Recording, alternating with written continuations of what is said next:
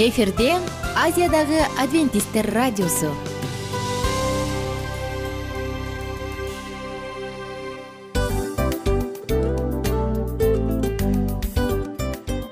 Достор салют. Баардык сүйүктүү угармандарыбызга салам айтабыз. Кутман күнүңүздөр менен. Ден соолук өмүрдүн булагы демекчи саламат саамы программасында баарыңыздарды көргөнүбүзгө абдан кубанычтабыз. Анда алгач амандашып өтөлү арбаңыздар деп. Ден соолугуңуздар кандай элибизде көбүнчө ден соолук кандай дегенде эле жакшы деп жооп беребиз э? ооруп турсак дагы жакшы дейбиз. Анан мен муну айтып ойлойт элем бул абдан сонун сөз депчи анткени бул жакшы деген үмүт да э ооба баары жакшы болот баары сонун. Деп үмүттөнүп атып эле өзүбүздү өзүбүз дарылап коебуз. Анысы кандай? Сиздин дагы ден соолугуңуз жакшы беш деген үмүттөбүз чындыгында ден соолук бул өмүрдүн булагы деп бекеринен айтылган эмес деп ойлойм. Кыргыз элинде анткени эгерде ден соолук жок болсо анда адамдын жашоосунда калган баардык керектүү маңыздуу нерселер өзүнүн баалуулугун жоготуп коет. Ошондуктан ден соолук бул эң керектүү нерсе. Ооба туура айтасың кесиптешим чынында ден соолугуң жок бир эки үч күн ооруп калсаң эле кандай болуп калат? Жашоодо көз каранды болуп каласың көп нерсеге жетишпей каласың көп нерсени кыла албай каласың жада калса эшикке дүкөнгө да чыга албай каласың. Туптуура анан ден соолук болсо демек биз биздин бактыбыз тотой деп койсок болот. Анда достор саламат саамы рубрикабызды баштайлы. Алдыда өзүңүзгө керектүү болгон сонун кеңештерди уга аласыздар. Мына ошондуктан биз менен бирге болуңуздар. Ал эми биз болсо милан жана айнура. Кеттик алга. Алга саламат саама ден соолуктун жарчысы. Саламат саама ден соолуктун ачкычы. Күн сайын сиз үчүн мыкты кеңештер сонун жаңылыктар кызыктуу фактылар. Биздин рубрикада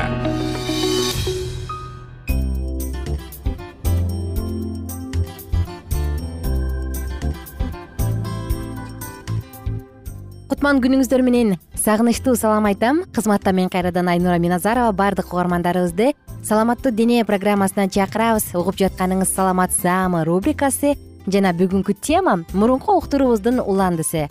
Чач түшүп таз болуп калууну кантип алдын алса болот? Чачтын түшүшүн кантип токтотсо болот? Мына ушул жөнүндө сөз кылалы деп турабыз.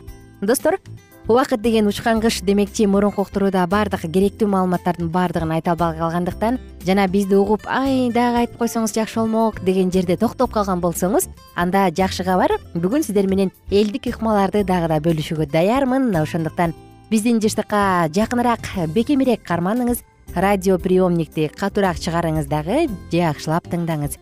Өлкөнүн дүйнөнүн кайсы гана бурчунда угуп атпаңыз сизге эң сонун көңүлдүү маанай каалайм достор мурунку уктурууларда айткандай негизи чач түшүү көбүнчө айымдардын арасынан дагы мырзалардын арасында көбүрөөк кездешет экенин айтпадыкпы. Аял заты эле сырткы келбетибизди карайбыз деп келген болсоңуз жаңылышасыз. Анткени эркектер дагы өзүнүн сырткы келбетине көңүл буруп чач түшө баштаса эмоционалдык абалы оорлойт жан дүйнөсүнө ушундай бир оорчулук келет экен. Алар дагы стресс болот мырзалар дагы сарсанаа болушат эгер сизде ардактуу угарман эркек болсоңуз мырза болсоңуз жана бизди угуп ушундай көйгөй бар эх эмне кылам атамдын чачы түшүп калды эле мен да ушуну тартып калган турбаймынбы десеңиз анда жаңылышасыз. Бул нерсени дагы кандайдыр бир жолдор менен алдын алса болот. Эсиңизде болсо таз болуп калууга каршы же болбосо чачты токтотуучу чачты бекемдөөчү дары дармектер мырзалардын сексуалдык каалоосун төмөндөтөрүн айтканбыз жана феминизацияга алып келерин айтканбыз мына ошондуктан бул нерселерден көрө кадимки эле табигый чөптөрдү колдонуу менен чачыңызды бекемдеңиз мурунку уктурууларда бир нечесин айтканбыз. Бул серенова пальмасын айтып өткөм жана африка кара өрүгү деп. Бүгүн болсо чалканга кадимки эле чалканга дагы бир жолу токтогум келип турат. Чалкандан маска тундурма кайнатма жасап чачыңызды жууй турган болсоңуз маска жасасаңыз ал чачты жөн гана жалтыратпастан аны өзгөчө шуудуратып жакшынакай кылып анан май калкан бездеринин иштеп чыгарылышын орточолотуп же болбосо азайтып анан чачты кытышуудан сактайт.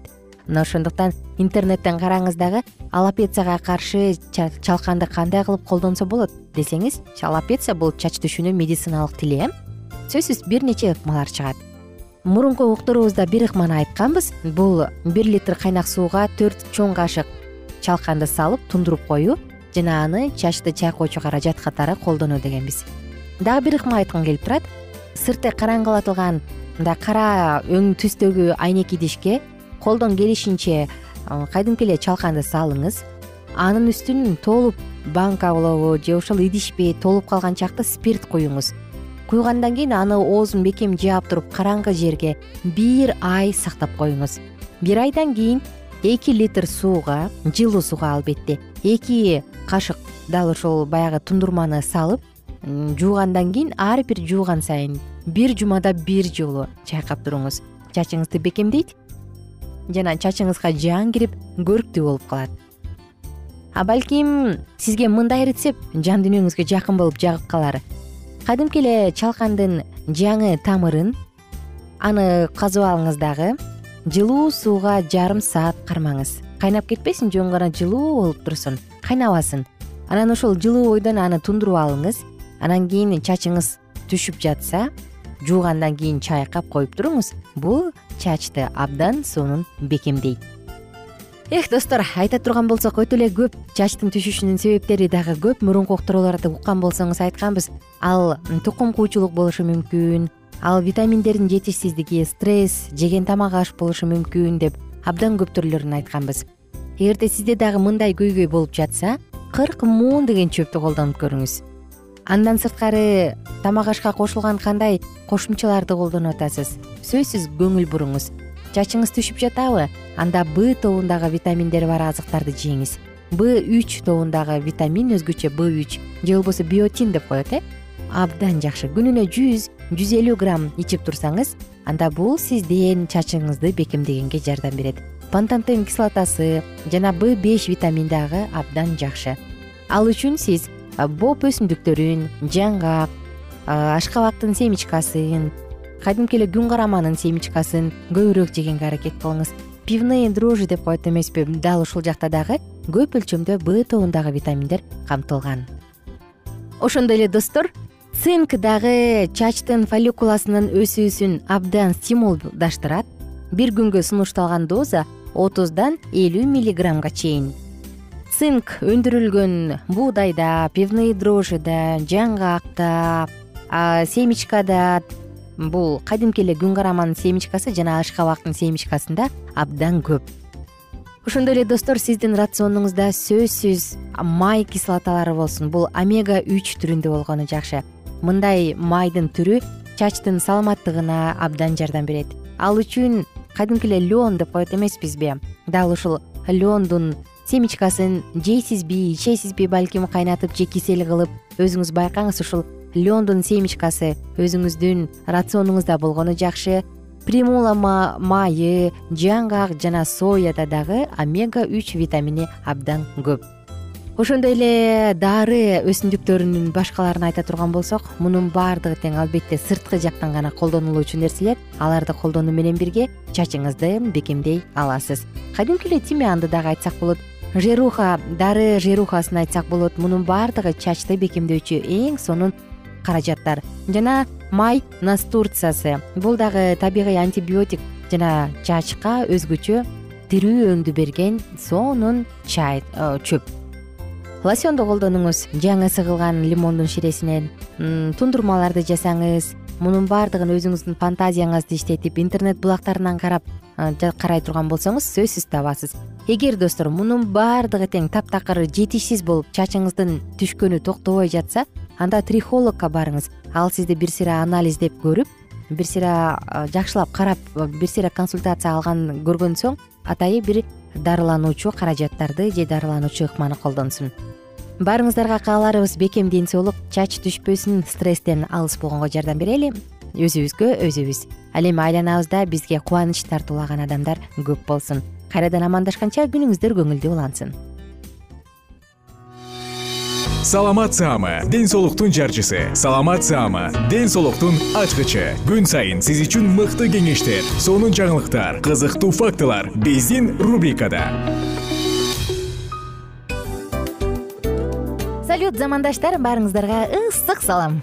Дил маек программабызга кош келиңиздер. Дил маек рубрикасы дегенде эле бул эмне болгон дил маек ким менен маектешебиз деп сурайт болуш керек угармандарыбыз бул рубриканы кыскача тааныштыра кете турган болсок ар тарап кесип ээлеринен болгон сонун интервью кеңештер бар. Ооба. Жылдыздар менен болгон маек бар. Аталарыбыздын агаларыбыздын чоң аталарыбыздан сонун кеңештер бар. Ошондой эле эже сиңдилердин кеңештери бар айтор. Баардык кызыктардын баары алдыда. Негизи эле адам баласы бир кимдир бирөөнө ишенип сырын ачкысы келет эмеспи э мындай баарлашууга жакын келебиз го. Албетте. Негизи бир жерге отуруп алып кенен шашпай баягы жүрөктөн жүрөккө ачып сырларыбызды ар кандай көйгөйлөрүбүз менен бөлүшүп баягы чын жүрөктөн маек курганды кимибиз сүйбөйбүз э? Ооба десең ал нерсеге суусап да келебиз да. Ооба кээ бирде адамга чындыгында баягы э, ысык маек баягы жылуу маек жетишпейт да. Ошондуктан биз ушул рубриканы ойлоп тапканыбызда эң биринчи эле достор сиздер менен чын жүрөктөн бир маңыздуу темаларды козгоп кеткени э, кааладык. Ошондуктан ушундай сонун бир рубриканы тартуулап жатабыз. Анын үстүнө радио дагы сонун дос да анткени э, мындай учурда досуңа айтсаң досуң досуна айтат досу досуна айтат да анан бүт өлкө билип калышы мүмкүн го. А радио болсо сени сатпаган сенин айыбыңды ачпаган сенин сырыңды эч кимге айтпаган сонун дос ошондуктан биздин алдыдагы айта турган кеңештерибизди биздин досторубуздун кеңештерин угуп анан ал жака пикириңизди дагы калтырып кайрадан биз менен байланышсаңыздар болот. Деги эле жашооңузга эгерде кичине болсо дагы өзгөрүү алып моралдык жактан нравовдук жактан сонун бир кеңештерди алсаңыз демек биз максатыбызга жеттик. Ооба. Чыңгыз атабыз улуу жазуучу э, чыңгыз айтматов айткандай адам болуу бул күнүмдүк процесс экен. Күн сайын адам бойдон калуу бул адамзатка эң эле кыйын дейт э? э эң кыйын дейт. Чындыгында бунун э, негизинде адамдын эң баягы сапаттуулугу адамдын адамгерчилиги жана көптөгөн керектүү нерселер мына ошол темалар дагы бизде э, ушул дил маекте биз аларды да козгойбуз. Э, ден соолук жөнүндө да сүйлөшөбүз. Сөзсүз түрдө анан милан мырза негизи айтып коюшат го. Э, биз көбүнчө эмнени ойлонсок ошол нерсеге карата иш кылабыз го. Ооба. Анан анысы кандай? Балким бул радио баракчада кимдир бирөөнүн оюн текшергенге жардам берет кимдир бирөөнүн жүрөгүн текшергенге жардам берет. Балким кимдир бирөөгө жашоонун маңызын тапканга жардам берет айтор кызыктын баары алдыда бул жөн гана кыскача жарнама анда угармандарыбыздын баардыгын кийинки рубрикабызга чакырабыз. Ал эми кызматта маңдайымда отурган кесиптешим милан жана мен айнура. Анда эмесе биз даярдаган терең терең ойлор менен таанышууга кеттик. Алыс алыс баралык. Анда эмесе достор биз менен бирге болуңуздар. Алдыда эң кызыктуу маалыматтардын баардыгы бир нече мүнөттөр бою жалгыз гана сизге арналат мына ошондуктан жакшы маанай менен угууну каалайбыз. Үн алышканча. Жөнөдүк. Ар түрдүү ардактуу кесип ээлеринен алтын сөздөр жүрөк ачышкан сыр чачышкан сонун маек дил маек рубрикасында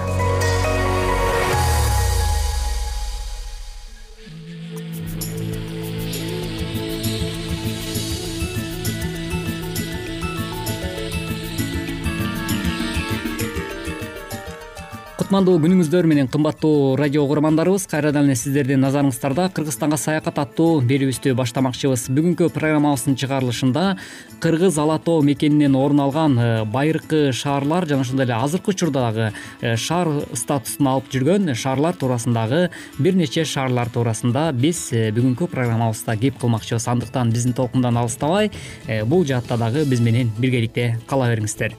Ак бешим шаары чалды баары алтынчы он экинчи кылымдагы шаар калдыгы. Токмок шаарынан алты километр түштүк батыш тарапта түзүлүшү жагынан алгачкы орто кылымдагы түндүк кыргызстан үчүн мүнөздүү шаар болуп эсептелген. Шаардын борборуна туташ жайгашкан аймакта кол өнөрчүлүк соода ага чейин кесиптик кылган шаардыктардын үйлөрү болгон. Негизинен турак жай имараттарынын калдыктары тиричилик шаймандары тыйындар көркөмдөлгөн буюмдар ошондой эле шахризадтын түштүк тарабында жайгашкан алтынчы сегизинчи кылымга таандык эки будда храмынын архитектурасы скульптура жана ошондой эле живопись курулуш техникасына тиешелүү бай материалдар табылган. Бул шаарды батыш жана каганаттарынын бай тактысы деп суяб деп бүгүнкү күндөгү жергиликтүү эл жана ошондой эле тарыхчылар эсептеп келишкен. Ак булак шаарчасы. Ак булак түп районундагы шаарча ысык көл ойдуңунан түштүк чыгышында күнгөй ала тоонун этегинде кара кол шаарынан кырк эки километр райондук борбору түп кыштагынан он беш километр түндүк батышта жайгашкан. Балыкчы бекетинен жүз жетимиш сегиз километр аралыкта жайгашкан. бир миң тогуз жүз алтымыш биринчи жылы негизделген. Аянты жыйырма беш гектар. Калкы бир миллиондон ашык эки миң тогузунчу жылы байкалган. Күрмөндүү цемент жана кыш заводдору бар ал жылына республикада өндүрүлгөн клинкердин сегиз жарым пайызын сексен үч миң тоннаны түзөт. Цементтин сегиз пайыз токсон жетиден ашык миң тонна иштеп чыгарылат. Орто мектеп бала бакча клуб китепкана ооруканалар бар. Мындан сырткары дагы шаарлардын катарына балыкчы шаары туурасында дагы айтып кетпесек болбос. Балыкчы шаары бир миң тогуз жүз элүү төртүнчү сексен тогузунчу жылы рыбаче бир миң тогуз жүз сексен тогуз бир миң тогуз жүз токсон экинчи жылдары ысык көл. бир миң тогуз жүз токсон экинчи жылдан адепки аты балыкчы деп кайтарылган.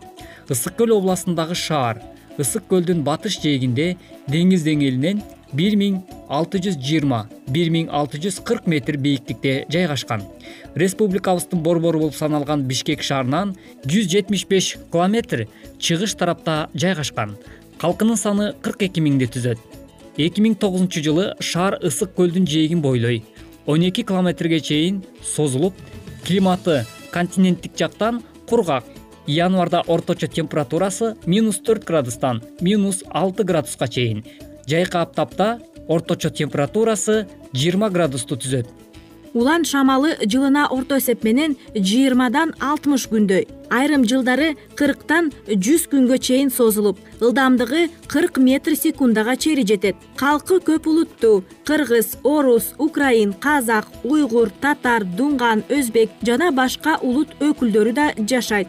Ири ишканалары ысык көл дан азык алтын дан каухар таш ынтымак калемгер көк ойрок акционердик коомдору ак кеме акционердик коому кыргызстандагы суу транспорту үчүн кемелерди куруу жана оңдоо боюнча жалгыз ишкана болуп саналат.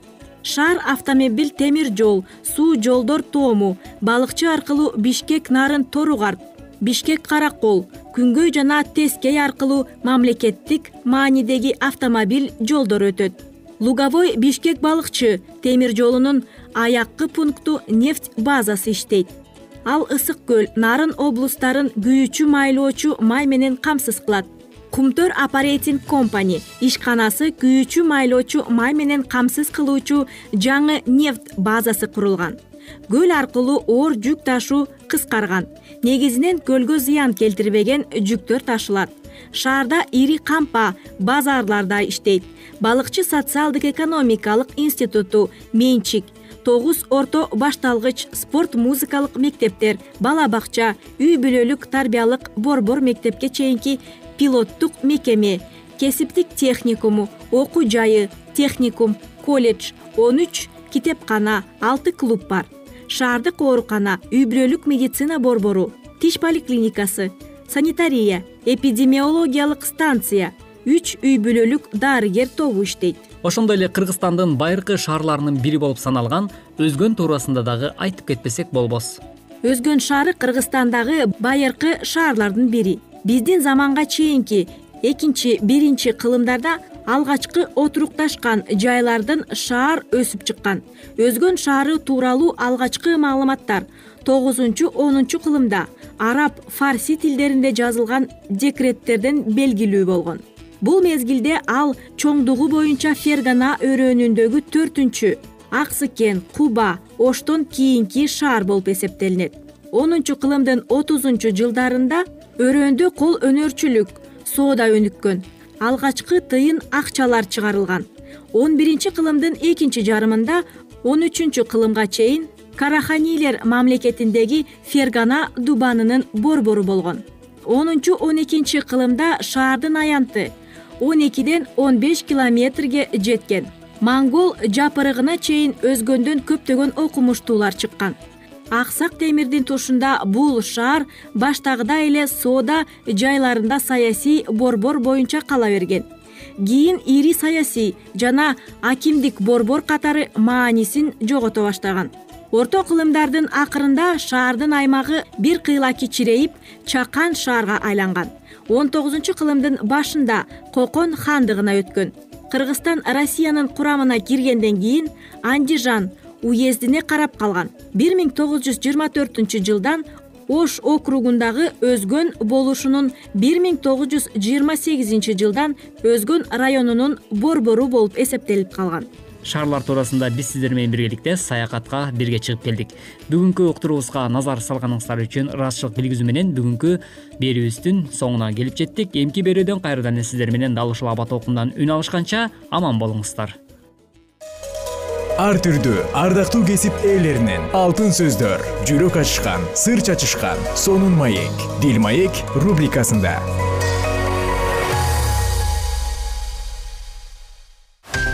жан дүйнөңдү байыткан жүрөгүңдү азыктанткан жашооңо маңыз тартуулаган жан азык рубрикасы.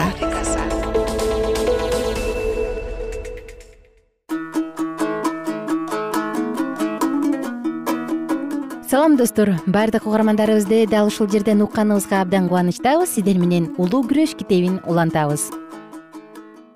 Биз ыйсанын алдына барып мыйзам алдында уялбастан жана бири биз айыптабастан туруш үчүн тазалана алабыз. Ошентип азыр ыйса машаякта дененин каалоосу менен эмес рухтун каалоосу менен жашагандарга эч кандай айыптоо жок. Римдиктер сегиз бир. Ыйса машаякта күнөөгө баткан адам уулдары кудай уулдары боло алышат.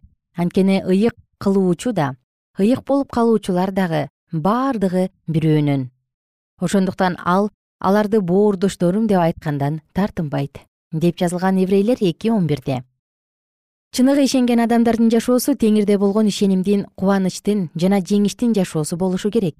Анткени кудайдан туулган ар ким дүйнөнү жеңип чыгат. Дүйнөнү жеңип чыккан жеңиш биздин ишенимибиз экен. Биринчи жакан беш төрт кудайдын кызматчысы болгон неемия кандай адилеттүү айткан? Теңирдин алдында болгон кубаныч силер үчүн коргон. Неемия сегиз он. Элчи пабыл мындай дейт. Теңирде ар дайым кубангыла дагы айтам кубангыла ар дайым кубангыла үзгүлтүксүз сыйынгыла баардыгы үчүн ыраазычылык билдиргиле. Анткени силер жөнүндө ыйса машаякта болгон кудайдын эрки ушундай. Кайрылуу жана касиеттүүлүк жемиштери ыйык жазуунун негизинде мына ушундай.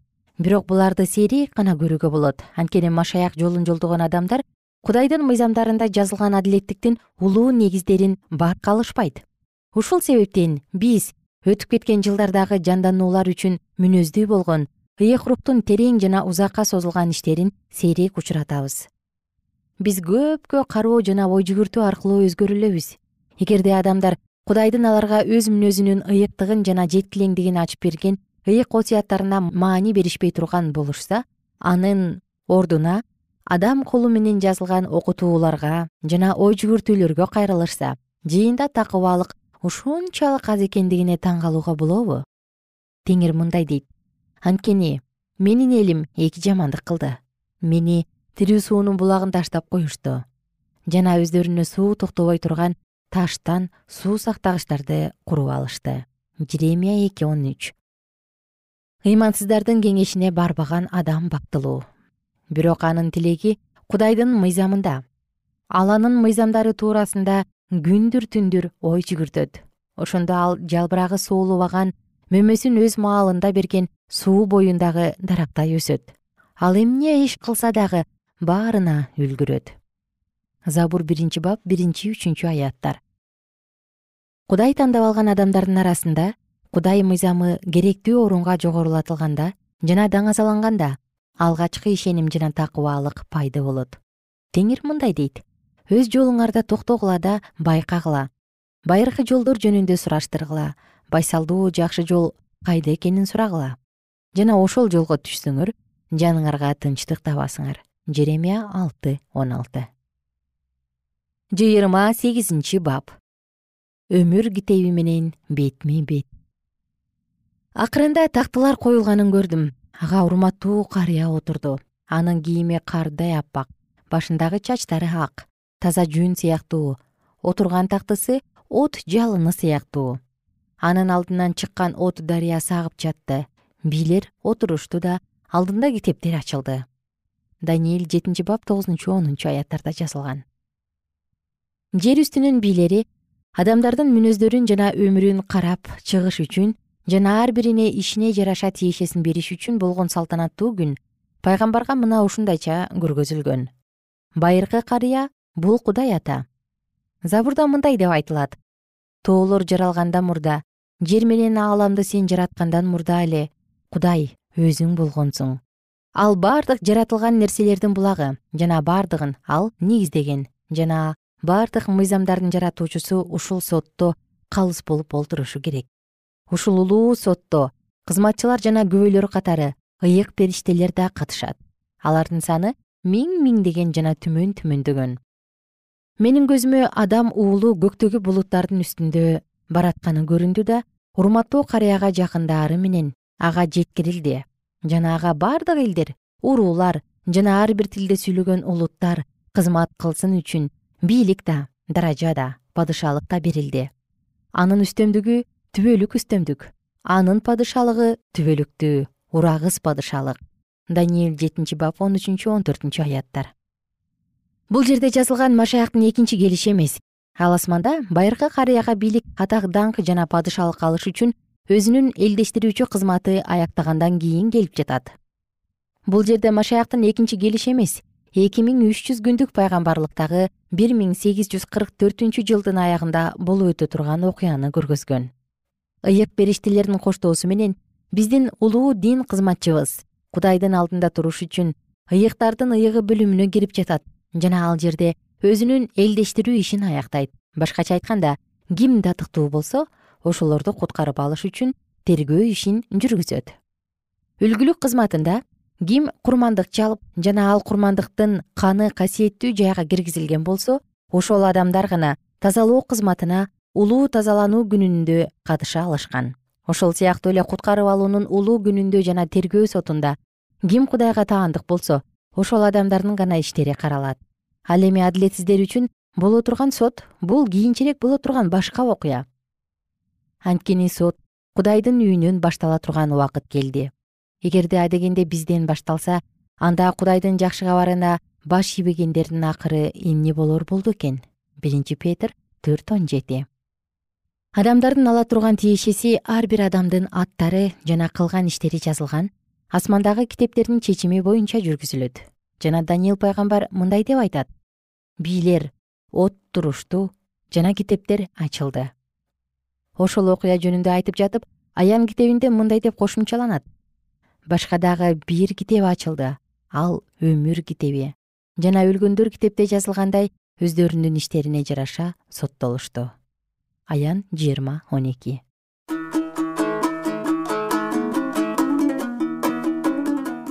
кымбаттуу досум сиздер менен бүгүн дагы улуу күрөш китебинен үзүндү окуп өттүк.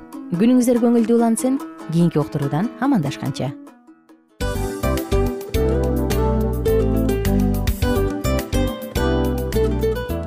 мына ушинтип убакыт дагы тез өтүп кетет экен. Биз дагы радио уктуруубуздун аягына келип жеттик. Келип кубандырдыңар эми кетип кубандыргыла деп тамашалап калышат эмеспи анысы кандай? Радио баракчабызды программабызды азыр эле баштап аткандай болдук элек. Мына соңуна келдик э? Негизи убакыт э, билинбей өтүп кетет экен?